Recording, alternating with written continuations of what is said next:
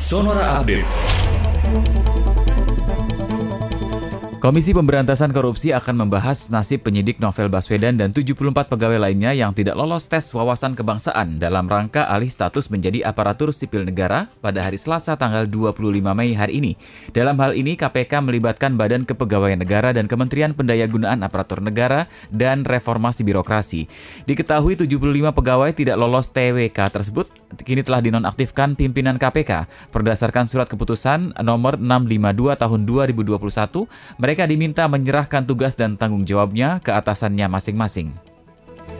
Klaster baru penularan COVID-19 mulai bermunculan pasca Lebaran 2021. Klaster baru yang tersebar di sejumlah wilayah di Jabodetabek itu umumnya berawal dari warga yang kembali dari mudik atau acara halal bihalal. Satu keluarga di Johar Baru, Jakarta Pusat misalnya, dilaporkan terpapar COVID-19 usai kembali dari mudik Lebaran. Kapolsek Johar Baru, Kompol Edison, mengatakan keluarga tersebut terdiri dari empat orang dan saat ini sudah diisolasi di Rumah Sakit Darurat Wisma Atlet Kemayoran.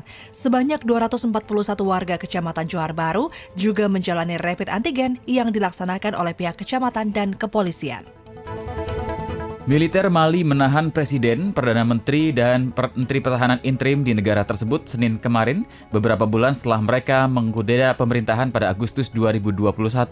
Presiden Bahdau, Perdana Menteri Mukhtar Uane, dan Menteri Pertahanan Sulaiman Dokore dibawa ke pangkalan militer di Kati, Militer menahan para pejabat tinggi interim tersebut setelah dua anggota militer kehilangan jabatannya dalam perombakan kabinet pemerintahan. Penahanan ini memperdalam masalah di Mali setelah militer mengkudeta pemerintahan Presiden Ibrahim Boukabar pada Agustus 2020.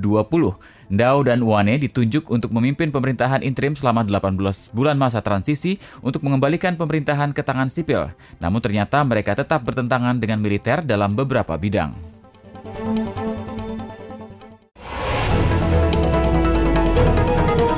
Demikian Sonora Update.